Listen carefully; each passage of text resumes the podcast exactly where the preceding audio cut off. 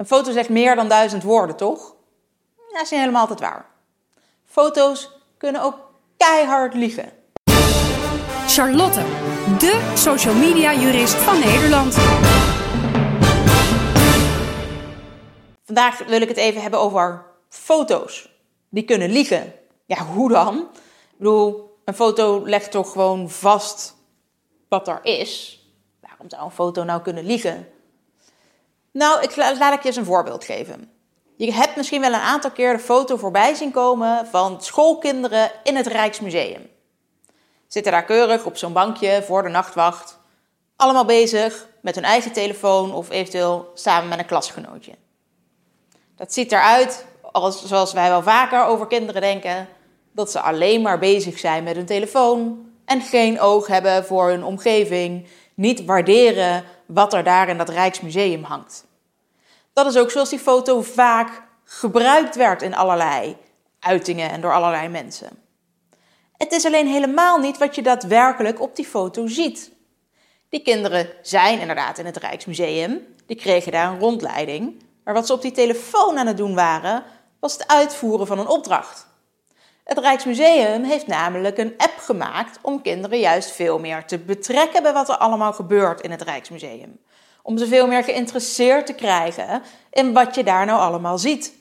Anders dan is er voor die kinderen eigenlijk geen zak aan. Je krijgt een rondleiding, een verhaaltje over de nachtwacht. Ja joh, die kinderen vervelen zich hartstikke dood. Nu benader je ze op de manier die voor hen comfortabel is. Waardoor ze het wel leuk vinden om dingen te doen en te leren en te lezen en te bekijken. Maar ja, het was één foto. Een foto op zichzelf vertelt dus nog lang niet het volledige verhaal. En zo kan dat dus ook werken met foto's als het bijvoorbeeld gaat om portretrecht. Er is nog zo'n foto die rondgaat, staan die kinderen niet herkenbaar op, maar eh, zie je een soort hekwerk, eh, kinderen met uh, capuchons over hun hoofd. Dan denk je ook, luie kinderen, die doen niks. Het is geloof ik bij Auschwitz in de buurt of zo. Ehm, in elk geval uh, bij een, een, ja, iets uit de Tweede Wereldoorlog. Het echte verhaal is alleen dat die kinderen juist zo ontzettend onder de indruk waren dat ze moesten huilen. En er zaten jongens bij die absoluut niet wilden dat andere mensen zouden zien dat ze dit zo erg vonden en dat ze erom moesten huilen. Dus wat doen ze? Voorover zitten, capuchon over hun hoofd, zodat het niet zo gezien zou worden. Maar waar wordt die foto nou vaak bij gebruikt?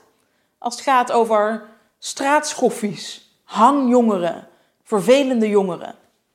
Daar gaat die hele foto niet over. Hetzelfde wat er gebeurde 2016, augustus, Volkskrant, voorpagina. We hadden toen extra beveiliging bij Schiphol en sommige auto's werden gecontroleerd. Nou, heel veel, marechaussee, leger, politie, alles was er. Een fotograaf had kennelijk maar een half uur of een uur om daar foto's te maken. De foto die de voorpagina haalde was een foto van een man in een babyblauw autootje. Maar ja, had een baardje, Arabisch uiterlijk. En op de voorpagina stond eigenlijk alleen nog: Is Schiphol nog veilig? Lees verder op pagina 4-5. Daarmee werd de indruk gewekt dat Schiphol niet meer veilig was door jongens zoals hij. Terwijl hij gewoon met een vriend onderweg was naar Schiphol om op vakantie te gaan. Op pagina 4-5 stonden overigens allerlei andere foto's die een stuk algemener van aard waren, waar je juist wel de hele rij auto's zag. Nou, die jongen heeft een rechtszaak aangespannen. Volkskrant vond dat zij volledig in hun recht stonden. Maar die jongen heeft gewonnen. Want ja, hij was herkenbaar in beeld.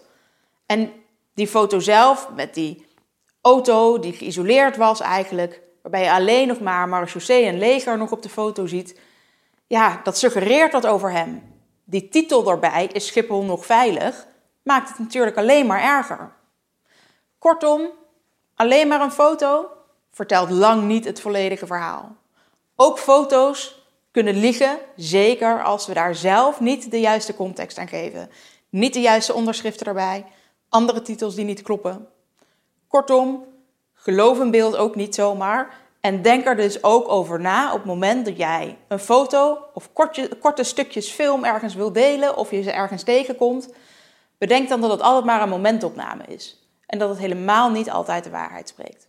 Wil je het gebruiken in een eigen video of een eigen blog? Bedenk dan dus ook even, wat zegt deze foto nou eigenlijk?